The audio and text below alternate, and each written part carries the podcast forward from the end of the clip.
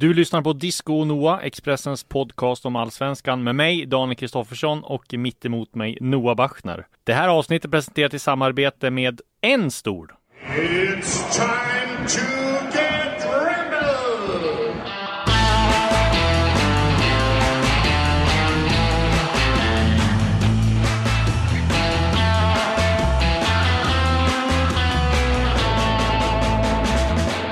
Ja, det är som sagt viktigt att, att sitta på en stor och inte på dubbla, eller hur Noah? Nej, eller det beror på. Jag ser inga som helst problem med det. Men du, vi ska dra igång den här podden med, eh, ja, allsvenskan är slut. Eller i alla fall vårsäsongen är slut. Ja. Eh, Det känns lite abstinens redan nu tycker jag. Ja, det var lite, lite abrupt på något sätt. Eh, det känns som att det hände väldigt mycket mot slutet. Och så Verkligen. skulle alla gå på ledighet. Och man hade en hel del lösa trådar sådär. Eh, framförallt att det börjar bli ganska intressant i tabellen också. Eh, förutom då den enda frågan som ockuperar hela supporter-Sverige just nu. Så är det ju faktiskt fotbollsmässigt lite mer, vad ska man kalla det för? Hett! Ja, kanske. exakt. Vi ska komma till det sen. Vi ska, du ska få ge oss allt om den här fantastiska och grymma granskningen som du och Frida Sundqvist har gjort.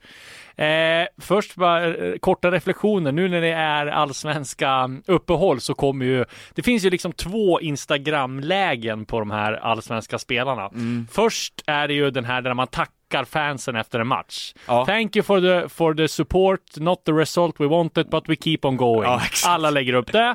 Och nu är det så här bara vacation mode. Nu ser man liksom alla spelare kommer från Mykonos, eh, med- ja, Marbella, Dubai. Alla kommer lägga upp eh, därifrån när de ligger med en drink och så har de sin flickvän bredvid och så lägger man upp och så säger man vacation mode. Det är Exakt. liksom de två stora Instagram-reflektionerna. Jag vill säga att det, är, det finns en fasansfull brist på kreativitet i resmål bland fotbollsspelare.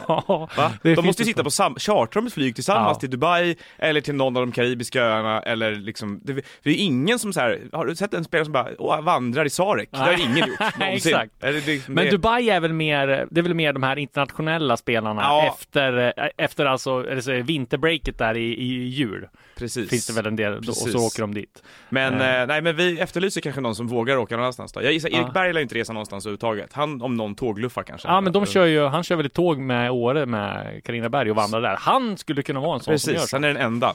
Men eh, lite, lite fler eh, spelare som, som eh, reser och till oväntade resmål hade varit kul. Jag. Verkligen. Inte, man vill också, jag skulle vilja se någon som bara är i Berlin. Ja, Alltså, det har jag inte heller sett. Nej. Men nej, det är ju precis semestertider på, på Instagram-kontona, men även klubbarna. Många har ju träningsuppehåll nu till den 12 i alla fall tror jag. Det verkar som att många klubbar kommer tillbaka.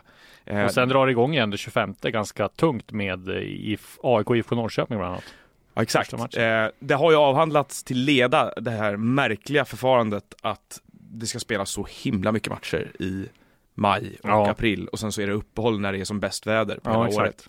Ja, och sen börjar man spela i juli igen. Om det är så att det är semesterveckorna man vill bort ifrån för att publiken skulle svika, då är det snarare juli man borde Ja. ha uppehåll. Om det är av hänsyn till mästerskap och så vidare för att ge det mer utrymme så är det inget herrmästerskap i år Nej. på det sättet. Så det är lite märkligt alltihop. Ja, Billborn var ju vansinnig på det, här, eller vansinnig, Mm. men han, han eh, poängterade det. Efter derbyt, som vi ska gå igenom kort nu, det var ju ett eh, derby på Friends Arena där AIK körde över Hammarby totalt. Det var tio tysta minuter som gav en grym effekt. Ja. Vi satt ju på pressläktaren och filmade det där just innan när det var tyst och man hörde vad Per Karlsson sa, man hörde vår vän eh, där uppe skrika Lasse på... Granqvist. Ja, vår vän bakom ja, oss, vår vän Skrikmannen. bakom skrikmannen. Ja. Vad fast var han- vad var han skrek nu? Ja, han tog det ganska, ja, det var, eh, ni måste sluta klacka. Ja. Exakt. Varför ska, han kan, kan inte säga någonting som de ska göra istället. Nej, det är väldigt mycket vad de, Ja. träna på straffar och sluta klacka. Ja, exakt. För- Förvisso ganska rimliga råd. Ja. Man kanske ska ta på klacka. så Nej, exakt. Men det var som sagt eh, ruggigt effektfulla mm, tifon, Ja, tycker jag. ja det, var, det var en eh, väldigt speciell stund. Det kändes också som en sorts klimax på den här frågan under våren. Ja, att, eh, verkligen. eh, de här två rivaliserande klubbarna då gick samman på det sättet, ännu mer än den här polisramsan som de ju har sjungit i andra matcher eh, för att markera mot eh, den här utvecklingen och att det var banderoller på långsidan och att alla va- så kallade vanliga människor även var tysta på långsidorna. Det blev ju Alla sh, sh, Ja men sa- precis, sa så fort någon sa skulle- någonting så. Ja. Och sen var det ju rätt kul där när det började klockan började ticka upp mot 09.57 och alla insåg att det var på väg att brista. Mm. Då var det ju någon bredvid oss som bara ah! skrek rakt ut. Det var inte ens, han sa inte ens någonting. Nej. Nej, det var, var en, en mäktig läktarupplevelse faktiskt. Och det var en eh, väldigt rolig match, i alla fall om man är objektiv åskådare. Mm. Nej, men det var väl ett derby där AIK eh, körde över Hammarby som sagt. Eh, men det var ändå ganska tuffa dueller. Det var eh, ganska bra spel och ja, en bra läktare. Eh, så att Jag håller, alltså jag håller med, det var, framförallt så var ju AIK väldigt slipade och on point taktiskt alltså. De Mm. sårade ju Hammarby på ett väldigt bra sätt. Det här att skicka iväg Sebastian Larsson i djupled, det var ju chockerande att se hur omarkerad han blev eh, i bå, vid båda målen egentligen. Ja. Alltså att han var att de inte plockade upp honom. Ehm, sa det i något sammanhang här att hade, hade det varit en grusplan så hade Henok Goitom haft tid att bygga en ramp innan han slog inlägget. Ja. Och Sebastian Larsson fick stå fri hela tiden. Så på det sättet. Men Hammarbys mittbackskris börjar ju också bli ganska fördärvande nu för dem. De måste Ja. ju de måste ha tillbaka spelare. Ja, exakt. Och eh, vi ska komma in där. De har ju lite sill eh, på gång där i, i, i eh, och som ska ersätta Odilon. Får Ja. vi se vad det blir. Men det, alltså, inte, inte så oväntat resultat ändå. Det oväntade kanske var att AIK skulle vinna såklart, att Ja. Hammarby skulle skapa en målchans. Men med tanke på att man har så mycket skador, eh, eh, Solheim får kliva av, Sandberg får kliva av. Jag menar, det, Hammarby klarar liksom inte så många skador på ett försvar som har Nej, sett vi, ganska vi, ska, bra ut. vi ska också säga att AIK spelade ju kanske nära toppen av sin förmåga. Det får man säga. när det där laget är så pass, när de, är, när de träffar rätt på det sättet så är det inte många lag i Allsvenskan som som borde slå dem, Nej. framförallt inte på bortaplan. Så det, ehm, man får väl också peka på AIKs styrka i den här matchen. De har ju Sebastian Larsson ser ut att vara i fantastiskt slag Ja, inför landslagssamlingen nu här och flera andra spelare som är, Henok Goitom börjar komma igång och sådär och den här trebackslinjen kanske börjar sätta sig lite bättre. Så, att de, det var en tuff uppgift för Bayern som jag tycker ändå har spelat upp sig under våren och har anledning att vara positiva inför Ja, hösten. verkligen. Deras eh, vårsäsong får ändå ses som lyckad. Ja, med tanke på Eh, vilka spelare de blivit av med och ja. sådär och, och skadedrabbade. Så. Jag mötte för övrigt eh, sportchefen Jesper Jansson i, i korridoren där när jag skulle ner till pressrummet i halvtid. Han eh, sa ingenting, skakade bara på huvudet och sa uff efter Aha. första halvlek. Så Ja. han förstod väl ungefär vart det skulle Ja. barka. Då vet vi att Billborn är nära Nej, fallrepet. nej.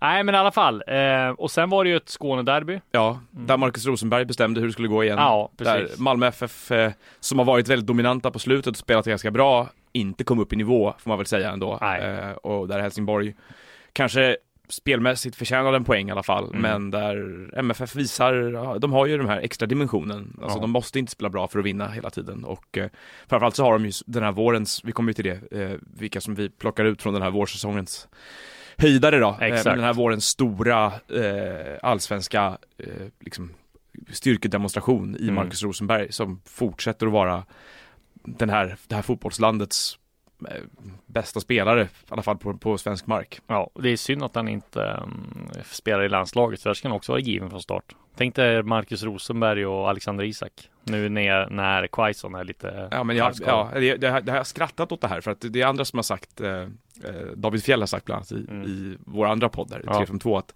han vill ha in Rosenberg i landslaget och jag har alltid tyckt att det har varit en liksom, lite naiv idé på något sätt. Men är man så här överlägsen i Allsvenskan Ja. så ser jag liksom inget skäl till varför han inte ska vara med när andra anfallare som Ja, Men han vill ju inte liksom. Det, det. Nej, han har inte vet. Men jag hans, menar, kropp skulle inte klara det heller. Nej, och sen är det väl, det är just det här att han är ju som speltyp som jobbar hårt i defensiv. Mm. Han kan allt liksom. Det är inte någon, någon sån här, vad ska man säga, ja, men någon snabb diva som inte tar hem jobbet, utan det är ju en, en spelare som skulle passa perfekt in i Janne Anderssons Absolut. lagbygge. Det är ju det som är så Absolut. retfullt liksom.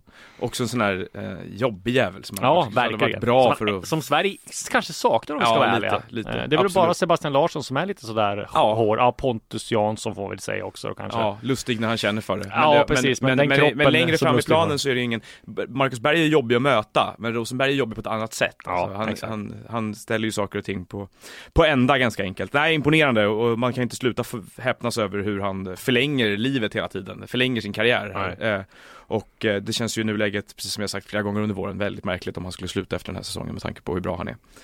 Eh, vi hade ju några andra matcher som kanske inte stack ut lika mycket den här omgången. Nej, det var en del tråkiga. Eh, Däremot så hade vi en grej som stack ut och den som jag helt neutralt utser till den överlägset bästa banderollen i Allsvenskan någonsin. Ja, Det var Helt alltså neutralt. eh, GIF Sundsvalls Jaha. patronernas eh, eh, banderoll mot eh, när de mötte Östersund i derbyt. ja. Då står det, då har de alltså en banderoll. Vi är eh, några miljoner back. Kan vi låna er barack? Den är ju världsklass eh, mot Östersund och den fick ju väldigt mycket uppståndelse på Twitter och jag tror så här, jag var inte ensam om att tycka att den var bra. Nej, det var väldigt roligt. Det var Ja. väldigt, väldigt roligt. Eh, Emil Forsberg, vi träffade Emil Forsberg i måndags här efter Stockholmsderbyt när landslaget tränade ute på Kaknäs. Mm.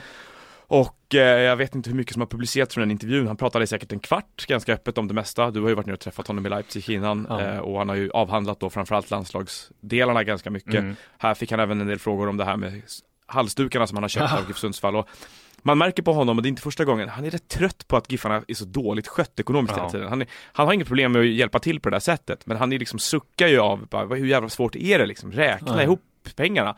Eh, men eh, han sa ju då också att eh, han får komma hem och ta dem i örat en gång om året Mm. och att det börjar bli lite konstigt att behöva göra det tyckte han. Ja, men det är ju, det är ju sådär också. Jag har pratat med en del gamla, gamla spelare som har spelat i GIF Mm. tidigare och de är också så här. Ja, vi skulle kunna skänka några tusen till, till, till eh, och köpa halsdukar för, men varför ska jag slänga ner pengar i ett stort svart hål? Jag kan Ja. lika gärna gå och elda upp dem liksom. De tror ju inte på att det här ska Repa sig. repa sig liksom. Nej. Och det, jag vet att de har haft möten med investerare och sådär som jag sa, har sagt tidigare. Och det, men det, det bygger på att någon ska ge dem pengar, för lån går ju liksom inte. Nej men de behöver hitta, de behöver hitta hållbara intäktskällor, Ja, alltså så att det kommer in pengar kontinuerligt och det är väl Mm. det Forsberg känner också verkar det som. Ja. Att, eh, ja, det, det är och lite det är som är kritik mot Urban Hagblom också. Jo, men sen det finns liksom ingen som skulle kunna ta över Giffarna men liksom och göra det lika bra. Nej, liksom. och är han är ju någon- sportchef. Ja, jag vet inte, det är väl hans, hans ansvar är väl budgeten, men det är ju hela, hela ja. Ja. det är väl lite så det känns. Ja. Får helt enkelt köpa loss Henrik Berggren för pengarna som kan gå in och Ja, styra upp det där. Precis. Och det har ju varit en del tråkigheter också eh, kring eh, de allsvenska matcherna här. Dels har vi det här med matchfixingen Ja. eh, som eh, mellan eh, Kalmar och Elfsborg. Så är det. Där är det bara bekräftat att det rör den matchen. Exakt. Och att det rör en enskild händelse som spelare va? Ja. Eh, så det är ju tråkigt och vi får se vart det leder. Det man kan säga är väl att de som har följt det här på nära håll så länge som vi har gjort så är man ju inte förvånad över att det ändå finns i allsvenskan. Nej. Men det har ju Man har varit ju- man väldigt har ju en ganska- svårt att bevisa det och det har varit svårt att liksom skriva någonting när man har indicier bara liksom. Ja, det är bara att titta på de här rättsfallen som har varit. Ja. Eh, jag har tagit upp det tidigare, att eh, jag har ju ganska väl inläst på både fallet med Dixon och och Kenny Ja. Stamatopoulos som ju blev väldigt medialt uppmärksammat. Men även det här som har varit mindre medialt uppmärksammat, den, den rättegången som gäller två spelare i Syrianska Ja. U19-lag och deras gamla U19-tränare Stefan Fredriksson. Ingen av dem har ju lett till fällande domar efter hovrätten. De här Syrianska spelarna friades i hovrätten och då hävdes även deras avstängningar hos SVFF.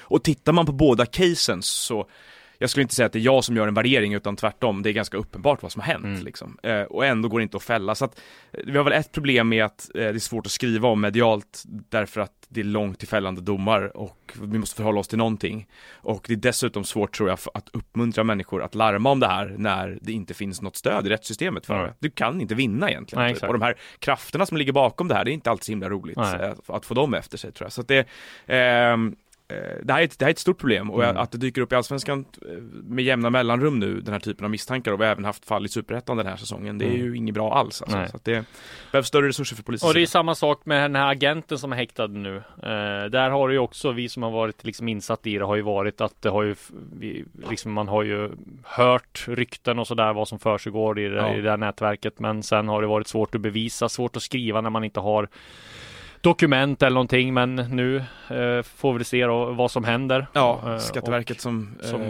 kollar. anmält. Eh, Ja. Och, och eh, precis, det är ju nyhetshistorier som dyker upp nu till allmänhetens kännedom men där eh, Ja, det blir som en sorts inblick tror jag i det mediala arbetet också. Ja. Att, att det här är inga, för oss är det inte nyheter, Nej, något av det här egentligen. Utan att det har eh, saker som man har kanske försökt titta på någon gång journalistiskt sådär Mm. men inte lyckats Nej. komma till publiceringar. precis Men två historier som blir intressanta att följa och som, är, som, som också är symptom på ganska oroväckande utveckling i Mm. svensk fotboll skulle jag säga.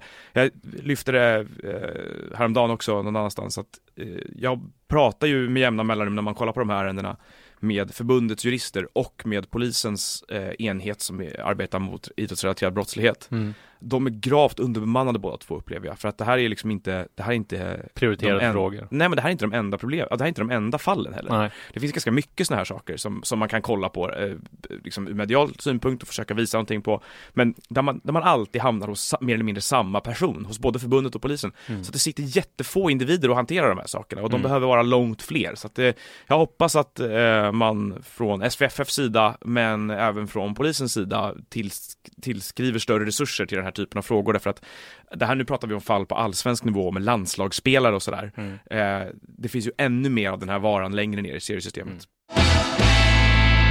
Ja, och så har ju du och Frida Sundqvist grävt vidare i eh, den här frågan som har varit kanske den hetaste eller är väl den hetaste i, eh, kring allsvenskan. Eh, Just det här med polisen mot supportrarna. Och ni har granskat Björn Eriksson och hans eh, dubbla stolar Mm. och publicerat en, ett gäng eh, sidor och eh, webbartiklar eh, som har gett eko runt hela fotbollssverige får man säga.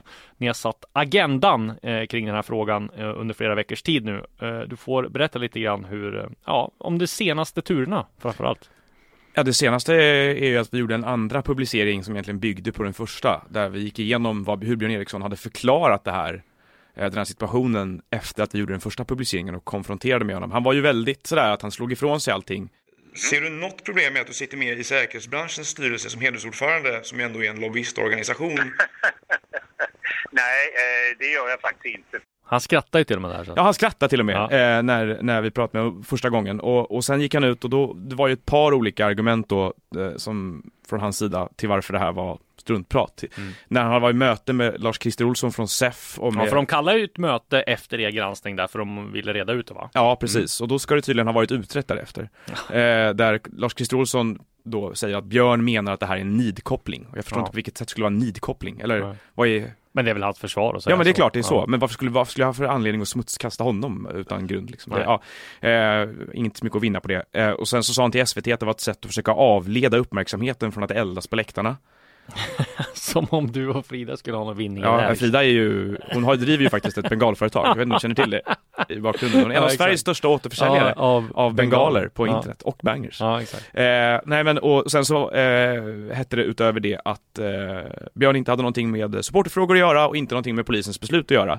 Så vi eh, tyckte väl att det var rimligt att och liksom då eh, konkretisera eh, varför det inte ligger till på det sättet Nej. och visa varför det här visst är problematiskt. Och sen så finns det ju en springande fråga i det hela som fortfarande inte har fått ett svar och det är eh, hur man förklarar bort intressekonflikten i att Björn Eriksson dels har varit ordförande för Riksidrottsförbundet och Mm. i den rollen suttit i ett exklusivt råd med rikspolischefen, riksåklagaren och chefen för BRÅ där Mm. man har beslutat om strategiska säkerhetsfrågor i hela idrottssverige samtidigt som han har varit ordförande för säkerhetsbranschen vars största, hans största motiv är att företräda de privata vaktbolagens intressen. Ja. Det, är inte bara här han har bedrivit lobbyarbete heller. Du tittar på det här kont- kontantupproret. ja, men så skrev han väl en debattartikel också? Eller? Ja men massor, Ja. massor av debattartiklar i det här ämnet. Mm. Det är en del av lobbyarbetet Ja. där han propagerar för att vakterna ska ersätta polisens arbete i Mm. olika sammanhang. Mm. Så att den, den kon- intressekonflikten, den, jag menar, jag förstår inte hur man... Den är ju solklar. jag förstår, jag förstår inte hur man kan, vad han kan ha sagt i det här mötet med Karl-Erik Nilsson Nej. som fick dem att tycka att det var bra och rimliga svar. Alltså, jag lovar att jag inte har blandat ihop det här. Okej, bra. Men det, det går inte liksom att, att, komma fram till det riktigt Nej. tycker jag. Och sen så eh, finns ju det här då att, nej men lobbyarbetet, jag menar det inte, handlar inte bara om den här frågan heller. Du tittar på det här kontantupproret till exempel som han Mm. har lett. Flera av de vdarna för Sveriges största värde, kontant, kontanthanteringsföretag egentligen, säkerhetsföretag som hanterar kontanter, sitter ju i styrelsen för säkerhetsbranschen. Så Mm. att det är mycket deras intressen han har företrätt där. Eh, och samma sak med att han vill att trafikpolis ska ersättas av privat säkerhet när det gäller kontroll av tung trafik och sådana saker. Ja. Det, det genomsyrar ju liksom väldigt mycket av hans eh, offentliga utspel de senaste åren. Eh, så vi konkretiserade det och pratade med honom igen och då lät det ju lite annorlunda. Min uppfattning är det är möjligt jag har gjort fel någonstans. Det ska man väl aldrig utesluta. Jag är inte felfri långt därifrån. Så vi får väl se vad som följer eh, på det här helt ja, enkelt. ni Men, fortsätter granska och gräva i det här så får vi Eh, se hur det ja, vi kommer, vi kommer inte, kommer det, det göra. känns som att det måste, eh, det går inte att släppa det här riktigt ännu. Nej. Men det känns som vad är senaste mellan supportrarna och polisen då? Är det något? eh, Ja, det är väl att eh, egentligen att jag tror rösterna höjs nu mer och mer. Dels så har ju väldigt många supporterföreningar i Sverige gått ut med officiell, eh, officiella missförtroendeförklaringar mot Ja. Björn Eriksson som RF-ordförande. Och jag tror att det finns en sorts eh, föreningsdemokratisk gångordning här, Mm. där man kan tänka sig att det kan bli en påverkan på polisens strategiarbete. Ja. Därför att om du, om du misstroendeförklarar Björn Eriksson som Mm. RF-ordförande, då måste du även titta på de beslut som har fattats eh, av honom, eller med hans eh, intressen här. Mm. Och där ingår ju bland annat då den överenskommelse som slöts mellan Riksidrottsförbundet och polisen under 2018. Eh, och den i sin tur har ju fött den här nationella handlingsplanen som vi ser konsekvenserna av just nu Mm. och villkorstrappans ganska offensiva Mm. tillämpning. Så egentligen behöver man gå hela vägen tillbaka där och fråga sig vilka intressen styrde egentligen eh, det här? Eh, och där tror jag väl kanske att, det, att vi kan se en utveckling ganska snart också. Mm. Eh, annars, annars det senaste i övrigt eh, är ju att, att eh, det inte sker någon avtrappning egentligen av polisens eh, offensiv. Utan, det var just senast igår så an eller å, ska, verkar det som att Kalmar FF säkerhetsansvarige ska åtalas för sitt arbete i samband med matchen mot AIK i sista omgången förra året, vilket ju Mm. väckte extremt starka reaktioner bland de andra säkerhetscheferna i Allsvenskan.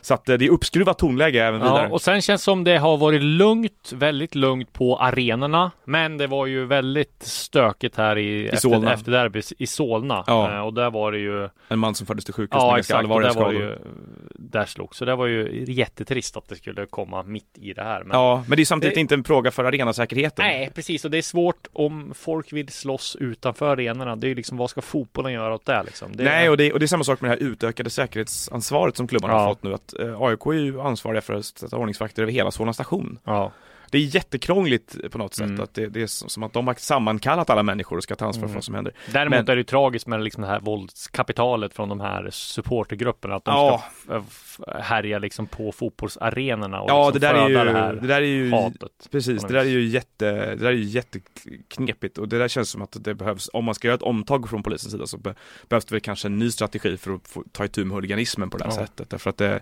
den där typen av nyheter förknippas ju fortfarande med fotbollen Mm. och jag tror att eh, för gemene man som läser om det här, som läser om att det har gått lugnt till vid derbyt, men mm. sen slogs en person medvetslös efteråt i Solna. Det kastar ett skimmer över eh, hela Och det blir på något vis ganska- fotbollsrelaterat det, ändå det är klart det blir, Ja. det, det, det är klart det blir. Mm. Eh, så att det där blir väldigt destruktivt. Så att det kanske behövs ett annat, eh, en annan ansats också. Verkligen. Ja, vårsäsongen är över. Det har gått asfort det här tycker jag. Ja. Det liksom var ju alldeles nyss man stod, eller man var i Dubai och Abu Dhabi. Man och man. Ja, du och alla du. andra proffs. Nej precis, men och sen så man stod ju på Skytteholm där och såg eh, AIK möta HJK för 94 gången på försäsongen när det var minus 25. Ja. Så att, nej men och det har gått väldigt fort men det har varit, jäklar vad det har hänt grejer alltså. Men vet du vad som är kul? Det är att Nej. sommaren är kort. Så precis. Och att det mesta regnar bort. Fast med det här klimat, eh, klimatet vi har nu och den här eh, klimatpåverkan så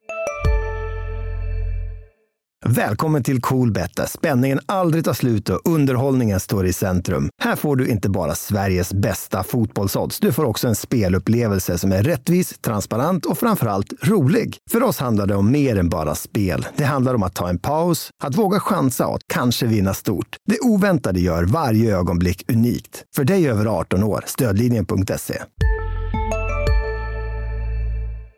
sommaren blir ganska stekhet och lite längre för Ja, varje Din för varje klimatpåverkan år. du? Ja exakt. Du Rädda- åker ju tåg till Schweiz för Ja. att, det är bra, Ja. eh, hedervärt. Ja, precis. Nu, det vände snabbt där. Ja, Men du ska rädda guldkortet till Los Angeles Ja, eller? exakt. En weekend. exakt. Men du, eh, det har ju hänt eh, fantastiskt mycket. Framförallt tycker jag det har skruvats upp lite grann med bra matcher eh, på slutet. Ja, ja det har det verkligen gjort. Och, och sen så, det enda, det enda som är lite sådär att man, eh, vad ska man säga, man hade hoppats på en lite större omkastning kanske. Mm. För att om du tittar på tabellen så är det ju ungefär de sjoken av lag du förväntade dig. Ja, De det är några. Det är IFK Göteborg Ja. och att Djurgården li ligger lite högre upp och Ja. att Östersund och Norrköping har Och underpresterat. Ja, Giffarna också Mm. såklart, eh, att de ligger för långt ner. Men det, är fortfarande, det var ju fortfarande inte, inte en sensation att de inte lyckas Nej, ta sig på fötter exakt. bättre. Östersund känns som det stora, eh, det stora negativa utropstecknet. Lite Men- i skymundan av Norrköping som ändå spelade upp sig på slutet. Men vi börjar ditt största utropstecken då, om du kollar. Eh, nej men det är nog IFK Göteborg tror jag, Mm. eh, faktiskt. Därför att med tanke på hur de tippades inför säsongen och man ska komma ihåg det nu, det blir också lätt lätt tycka när en skräll förvandlas rätt snabbt till att inte vara en skräll längre. Men minns hur folk raljerade om det här inför säsongen och Mm. eh, var man trodde att de skulle vara någonstans. Och nu när de förlorar hemma mot Örebro känns det som att de har tappat mark i rakten på Europaplatser. Mm. Vilket är helt bisarrt egentligen. Så att för mig IFK Göteborg är stora utropstecknet. Ditt då? Mm. Nej, men jag, jag, alltså, jag funderar mycket över det här och ska jag ta ett oväntat utropstecken som många kanske tycker är konstigt, så ska jag säga Djurgården. Dels för att de ligger där de ligger och att de inte har spelat speciellt bra. eh, och att de inte har fått igång Astrid Ajdarevic. Nej. Och att de har haft strul med att inte få in en anfallare, att Chilufa inte har kommit igång och att kanske inte de här, alltså Bråtveit har ju inte presterat på superduper nivå som man trodde. Inte Ajdarevic heller som jag nämnde. Bärkroth har gjort det bra lite sisådär. Mm. Eh, Buya Turay har levererat, inget snack. Men det Ah, finns... Fem på tolv. Ja, jag vet. Det är inte- men, det är inte nej, men det är ändå helt okej rimligt, tycker ja. jag. Men jag menar, det finns, jag tycker ett Djurgården som det finns mycket, mycket mer att ta av skulle jag säga är ett Ja. utropstecken. Och med tanke på att poängskörden är det bästa i allsvenskan tror jag, 24 poäng va? Eh, Det är det bästa sedan 2005 Ja, eller något ja. sånt. Så jag skulle säga, jag trodde inte att de skulle de har inte fått ihop det som man trodde, men jag tror inte de skulle ligga tvåa när vårsäsongen. Jag trodde mer Djurgården skulle vara helt okej, vara med i mitten och sen komma på på slutet. Men nu har de faktiskt eh, ganska bra chans att, att vara med och slåss om Ja, guldet. jag, jag skriver under på det där. Jag, jag tycker också att de är, och det är väl egentligen en stor eloge till Kim och Tolle får man säga då, Mm. som har, efter, även om de inte spelmässigt har varit flärdfulla på det sättet som man kanske hade förväntat sig att de skulle kunna veckla ut, vara jätteexpansiva och underhållande och anfalla och pressa högt och sådär, så har ju Kim och Tolle varit otroligt bra på att titta på vad de har haft till sitt förfogande och anpassat sig efter det. För det har ju vilat väldigt mycket på den här robusta defensiven med deras mittbacksuppsättning som är helt fantastisk. Men det har också varit eh, en extremt disciplinerad insats många gånger där de har liksom, ja, hittat svagheter hos motståndarna. De har haft en fin utveckling på ett par spelare måste man säga. Eh, Jesper Karlström är ju ganska mycket bättre i år än vad han var förra året. Jonathan Ring. Ja, un- den under- utvecklingen såg man inte komma. Nej, men jag menar nu är han ju en av de bästa yttrarna i ja, ja, Allsvenskan. absolut. så att det är, eh, de, båda de spelarna får man säga att de har gjort eh, väldigt bra med. Och sen att de, att de vinner mot Sirius fast de är ganska dåliga. ja. Alltså, Nej, men det, och det, är väl, borta. det är väl det du, du säger där också, att de, att de fick inte ihop, ihop anfallare och deras stora nyförvärv i säsongen, inför säsongen i Ajdarevic har inte varit betydande alls. Han har gjort en, en assist tror jag. Ja, och Vittry har inte varit dålig, men han har heller inte varit den fantastiska superspelaren som har han var ju sett ut som bra början. matcher.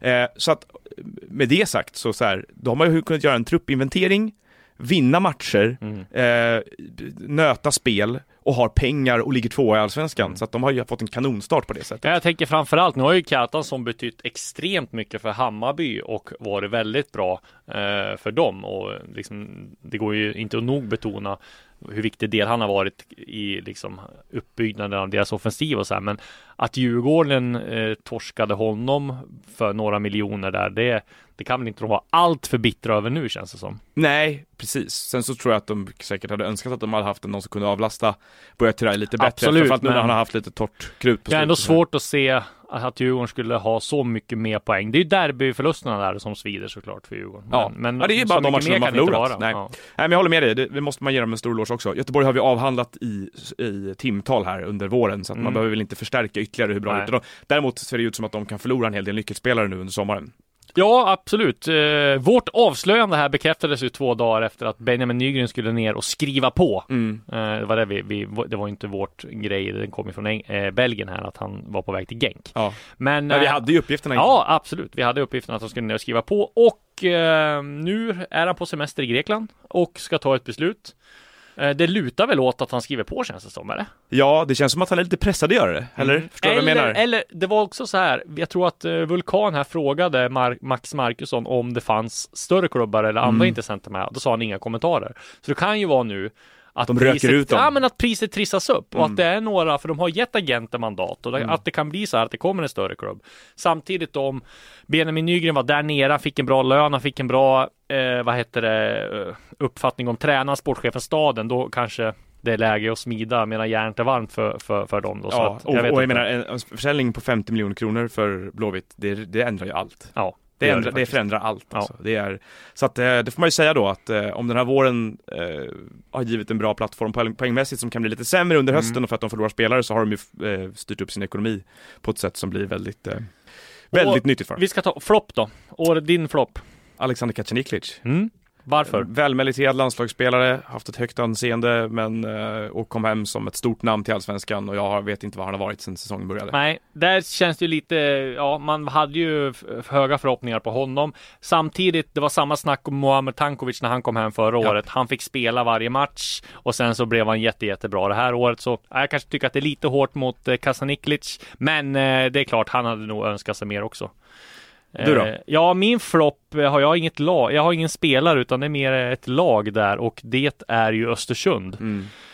Jag tycker att med tanke på det spelarmaterialet de har spelare för spelare Så borde det vara mycket så bättre. borde det vara att de skulle ligga topp fem med det här laget. absolut. Eh, och, Undrar vad de har för lönebudget alltså. Den måste vara ja, ganska det måste hög. vara hög. Och jag kommer ihåg hur de snodde Thomas Isherwood framför Hammarby där de bara trissade upp priset och han fick ju en jättelön med, med hans mått. Han har varit med, ganska bra Ja, ja, absolut. Men då, det är ju tänken på att de har ganska bra Mm. lönebudget. Sen kan man ju ifrågasätta värvningarna de har gjort. Eh, I övrigt, ja. Ravel Morrison, en total eh, katastrof. Ja. Eh, Charlie Colquette, alla de här engelska har ju varit Jermaine Sellars, alltså Vad, vad, gjorde, vad, vad har den här David. Webb, vad har jag har Ja, gjort egentligen? nej, det känns som att han också är ganska ifrågasatt. Jag fick ju, eh, ska vi säga, uppgifter om att han skulle få gå, men jag kollade av dem med både honom själv, med vdn och jag ringde även Ian Bursenal, tränaren, och de sa att det inte var så. Så att, eh, Mm. Är vi får väl lita på det. Han är kvar alltjämt. Så att, eh, och Ian Bursenal är kvar alltjämt. Men jag skulle tro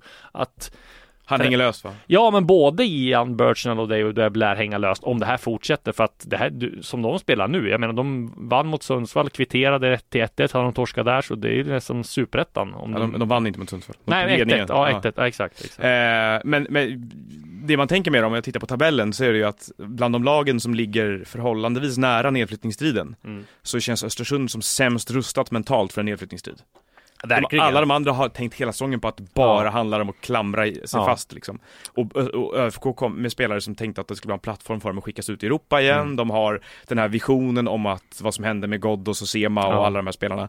Och så blir det så här istället. Ja. Det känns inte alls som att de är, Nej, men sen står så med kan båda ju, fötterna på jorden. kan det försvinna en del spelare. Curtis Edwards lär försvinna. Ja. Där är ju, han vill väl till Stockholm som jag fattar Och han är väl en av de- i. Han är väl en av de absolut mest centrala spelarna i Ja. laget, eller även ledargestalt känns det Ja, som. samma sak med Jamie Hopcat kan försvinna. Hossam Aiesh har funnits intresse Tom Petterssons kontrakt går Tom ut va? Petterssons kontrakt går ut så att det är Jag vet inte riktigt. Det känns oroväckande och så har Run Kindberg rätt igång på det och nej. Som är bestämd till september nu här. ja. Där den här extra bevisningen från Spanien har inkommit och hanterats vad jag har förstått det Mm. som. Exakt, så att, eh, nej men om vi ska ta en spelarflopp då som jag tycker, då är det ju såklart eh, Ravel Morrison. Jag hade Ja. höga förhoppningar på honom. Eh, samtidigt kanske är lite orättvist mot honom också med tanke på att han inte har spelat på länge och sådär, men just att det, det jag tycker är liksom när allsvenska spelare, det är om man inte är i form. Jag fattar, alltså hur svårt är det att bli, alltså i matchträning? Jag menar om du kommer hit i, till allsvenskan i, i mars, april och sen är, är, säger du liksom, nej men jag är inte liksom i matchtränad nu när det är juni liksom. Alltså jag, om jag har som jobb och tjänar hundra, flera hundratusen i månaden och bara tränar, alltså hur svårt ska det vara att komma Nej, i form? nej, jag kan det- förstå att jag har svårt att komma i form som jobbar, jobbar Som och, dricker alltså, Nocco hela tiden.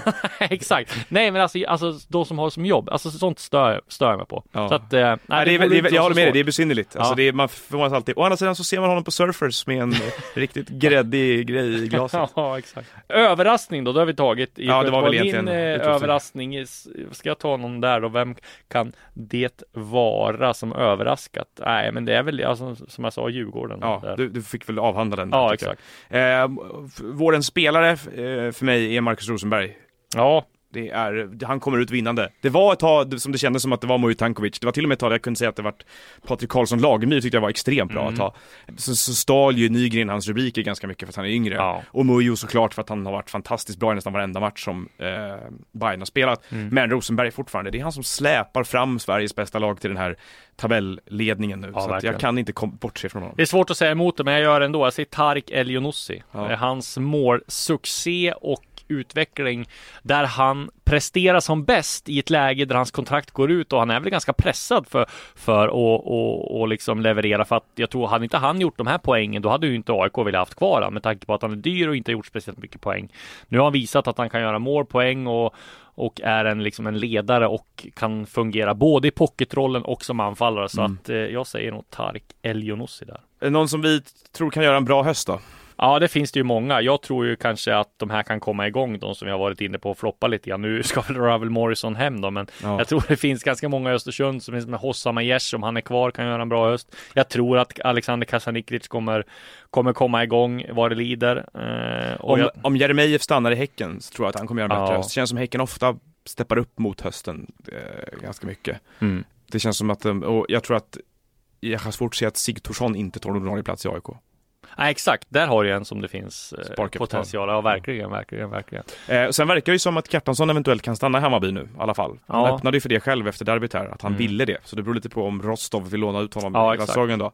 Eh, I så fall så tror jag, har jag svårt att se att han gör mindre än 10 mål på de återstående 18 Nej, det, det hade, för det, det ska man komma ihåg i Malmö också. Där tog ju tag innan han kom igång. Där Mm. gjorde han ju inte så många mål, men sen på, på höstsäsongen så gjorde han det extremt bra. Så det hade varit jackpot för Hammarby om det går. Mm.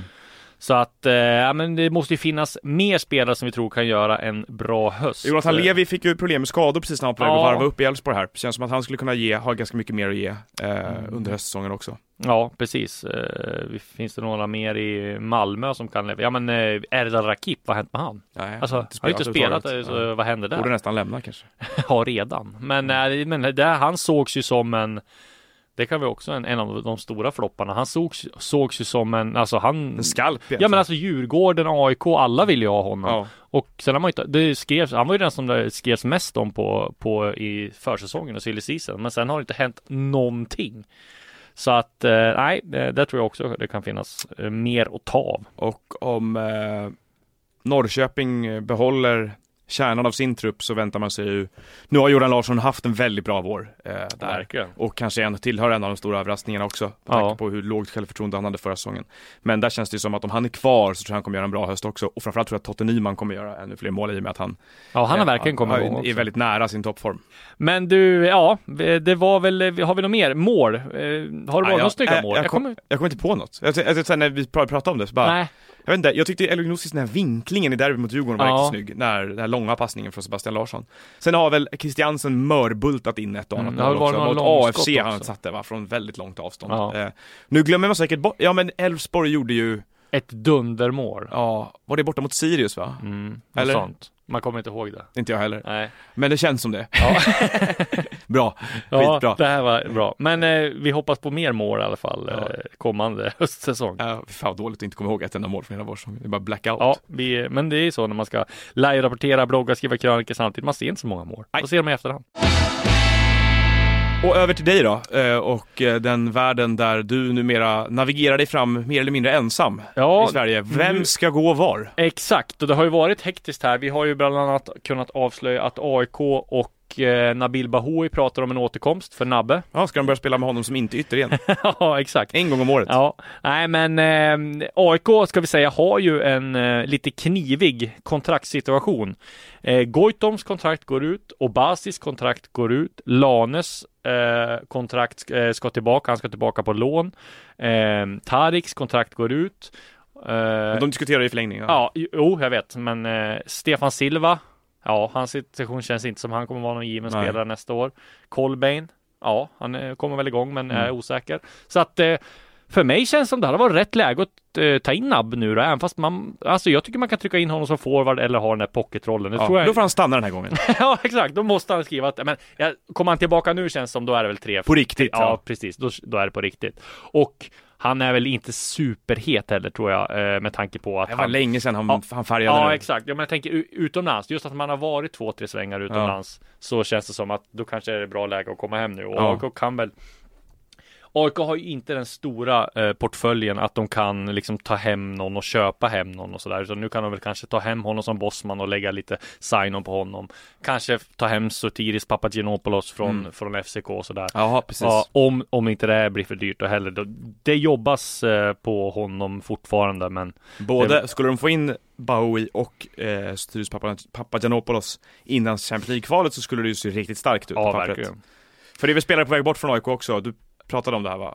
Eh, Ödegård lär lämna. Ödegård lämnar ju såklart. Han åker ju tillbaka till Norge. Ett lån som inte föll väl ut. Eh, ja, jag vet inte. Vad ska man säga om det? Han fick aldrig chansen. Han var ju backup-spelare. Ja, eh, och han var ju backup-spelare till Robin Jansson. Eh, och det är väl inte så mycket att säga om det. Jag har svårt att och säga att han är en floppvärvning eller sådär. Kostade ingenting, kom på lån. Eh, och eh, ja, eh, värvad som backup och fick, han, vad fick han? En och en halv cupmatch, två cupmatcher eller något Eh, ja, nästan typ. lika mycket speltid som Odilon. ja, exakt. Eh, men i alla fall. Men sen är det intressanta är ju också att, eh, och på tal om Odilon så eh, är ju Hammarby ute efter en ersättare till honom. Eh, och Mattias Andersson, Juventus-spelaren och före detta Malmö mittbacken, var här på besök i förra veckan, käkade lunch med sportsliga ledningen på Tele2 Arena. Och där så har Vad de... åt de? Ja, det vet jag inte. Men eh, de har ju diskuterat ett lån. Eh, samtidigt så är det nog inte helt omöjligt att det kan bli en, en permanent övergång där också. Jag tror, även fast Mattias Andersson förlängde med Juventus här eh, så sent som för någon månad sedan så tror jag han är i valet och kvalet om han ska flytta hem till Sverige, börja om, ta en karriär här. Vad är han, 20? Eh, ett. 21, ja, 21 ja. ja. precis. Så att eh, ja, det hade ju varit en klockren värvning för, Spännande för Bayern. Ja, verkligen. Eh, och alltså, om de köper ho- honom, de har ju råd, ska vi säga. Hammarby är ju ett av få lag Med pengar nu? Ja, ja, precis. Som har jättemycket pengar som kan satsa i det här fönstret. Så att eh, Mattias Andersson vore ju en klockren värvning. Också rätt ålder. Jag, alltså, jag gillar ju när svenska allsvenska klubbar eh, inte köper färdiga spelare. Nej. Det finns ju en stor, stor uppsida med Mattias Andersson, att han kan Mm. växa ut till någonting. Att, det är svårt att veta vad man har honom, att han inte har platsat i Juventus, ja det är ju- fan ingen. så att så här, det känns ju som att eh, det finns kanske väldigt mycket dold potential i honom. Men det finns, han la ju, var ju snabb att, lä- eller snabb att lägga upp, men den här bilden hade ju nog jag också lagt upp en, från en bild från en träning med Juventus. När We keep har, going. Nej, nej, Thank nej. Utan de har bo, båda och så går han upp i nickduell med Cristiano Ronaldo. Det är ju ganska Ja, mäktigt. ja, det är riktigt. Eh, ja, och sen är det eh, GIF Sundsvall. Eh, det ständiga problemet med ekonomin gör ju att de måste sälja spelare. Det finns väl kanske tre spelare de kan sälja. Hallenius, Batanero och William Eskelinen. Nu Mm. vet jag att det finns ett utländskt intresse för Hallenius. Och eh, det var ju externa finansiärer som finansierade hans lön och, och, och sådär när han förlängde sitt femårskontrakt. Och vi får väl se. Stackars Hallenius, som, Ja. alltså, han som verkligen, han har verkligen bestämt sig för det här också. Ja. Och så måste han Och så flytta ser han det här. Eller måste flytta måste han inte, men nu kommer det ju ett, eh, det finns ju utländskt intresse så han får ju ta ett ställning igen nu då. Mm. Och det här, han blir ju liksom, ja vad ska jag säga, han blir ju hjälte eh, hur än det går. Alltså han bedyrade liksom sin kärlek till Giffarna och stannade för att tacka nej till det här budet i, i Cypern som han hade som var ekonomiskt och så skrev ett femårskontrakt. Sen klantade klubben till det och visar att ja, hej, vi ligger eh, 12 miljoner back om vi inte säljer någon. Eh, och så sen så kanske han säljs nu och räddar kanske lite av ekonomin. Vad kan de få för Hallenius som sitter på ett fyraårskontrakt? Jag vet inte, 3, 4, 5 miljoner max. Det räddar ju inte Eh, heller ekonomin. Nej, precis. Men det gör i alla fall att de har ju budgeterat med att sälja fem, för 5 miljoner. Så att det Ja. blir, gör ju det lite bättre och kan ju liksom. Men samtidigt om man. Kan om de man inte sälja någon annan? Nej, Det precis. liksom- Nej, men i alla fall så, ja, jag vet inte. Det är, eh, vi får se vad som händer där. Det, vi får lov att återkomma till det. Och sen så har jag varit i kontakt med en grekisk journalist som säger att Marcus Berg är väldigt nära att skriva på för Olympiakos. Den såg man inte komma. Det är inte mina egna uppgifter ska vi säga, så vi kanske kan ta det med en nypa salt här från Grekland. Men eh, Olympiakos... Men den är ju överraskande. Ja, det är den ju. Men kan, ja, att han går till en eh, rival, va, till Panathinaikos. Ja, både det, men också att han är tillbaka, att han ska ut och spela europeisk klubblagsfotboll Ja, igen exakt. efter det här eh, liksom ned, utcheckningen, utstämplingen i Gulfen. Men det är väl det han märker liksom att... Han är tillräckligt bra Ja, fortfarande. Och det är ju precis. varför inte? Han, kudos till honom som gör Ja. det och att han inte kommer hem och förstör IFK Göteborg. Exakt. Nej, de är Blåvittsfansen nog lite irriterade. Men i alla fall så... Men de får sluta hålla på med det där Ja. med hemvändarna. Ja. De vill inte. Nej, exakt. Det acceptera blir, det. det Det blir lite- ingen Wernbloom, det blir ingen Wendt, det blir ingen Berg. Nej men det är liksom lite så här också att, eh, det, jag började direkt tänka på Lena Anderssons egenmäktigt förfarande. Det här, Mm. Att, eh, jag vet inte om du har läst den, men det, är- det är det här otroligt förtvivlad olycklig kärlek. Att här, liksom, 99% tyder på att det absolut inte kommer hända, men du klamrar dig fast med den här 1% att Mm. det kanske kan hända ändå. Mm. Hela tiden, och lurar dig själv att ja, men Ja. är på väg. Så här. Det, det räcker, När du berättar lägg här, ner! När du berättar det här nu så får jag scenen från Dum Dummare. Ja, so precis, you're telling me there is a exakt, chance? Exakt det. Ja. Eh, nej, men ska vi sluta så eller har vi något mer på eh, agendan här? Vi Nej. kommer ju fortsätta under sommaruppehållet ska vi säga. Det är Podden planen. rullar vidare. Det finns mycket att snacka om. Vi, eh, förhoppningsvis till och med när vi har, eh, när vi är eh, på lite olika ort så kan vi köra på. Ja. För att det här är ju din högsäsong som inleds nu. Du är, ju Exakt. inte, du är inte så intresserad av matcherna egentligen. Det är mer intresserad av Det här som kommer. Och Vi har en landslagssamling framför oss nu som förhoppningsvis kommer gå lugnare till än den förra. Ja. Eh, Men där vi, eh, ja, jag, jag tittade på en, du har sett på ett par träningar, jag Ja. har tittat på en träning på Kaknäs i måndags, Alexander Mm. Isak såg sylvass ut. Ja, Han och kropps- Quaison såg väldigt bra ut han också med tanke på att han har hoppade på kryckor där för några veckor sedan. Isak gjorde en kroppsfint på någon mittback, jag tror att det var Filip Land, jag är inte säker. Där Helander Nej. liksom ja, kraschlandade åt ena hållet och sen Ja, ska vi säga någonting så här att vi ska ha in, vad heter det, Alexander Isak från start nu. Vi ska, nu har jag glömt här en, en liten silvergrej som vi ska ta, den kan vi ta nu här. Ja. Eh, Det är alltså Hammarby som är och scoutar en vänster mittfältare i eh, Syrianska som heter Benjem Beile Demte. Han är Jaha. alltså från eh, E- Etiopien eh, och värvades till eh, Syrianska från Skenderbeu eh, och han har hunnit med att spela Europa League med dem eh, från eh, mot Young Boys eh, och är en ja, rivig ytter som som och landslagsspelare för Etiopien också som Hammarby har varit och scoutat inte mindre än tre gånger. Så att eh, han har gjort lite lite poäng dock. Tror han har gjort åtta matcher och en assist Mm. i Syrianska. Och, nog... Men då har jag egna uppgifter på att han är klar för Genk. Bayern har sålt honom. 31 miljoner kostar han. Okej. Men de letar, hans, de letar hans ersättare i Ja. Skenderbeu just nu. Det var inte beredd Där på. har vi det. Nej, det var jag inte beredd på. Men eh, det var det. Den, en, vi kommer fler styrnyheter här, eh, vad det lider. Så att eh, håll utkik. Häng i, Håll helt utkik. Eh, och eh, ja, då sätter jag mig här på, på, De dubbla på, på stolarna. den här stolen. Ja, bra. bakom helt enkelt. Tack Hej. för den här veckan. Tack.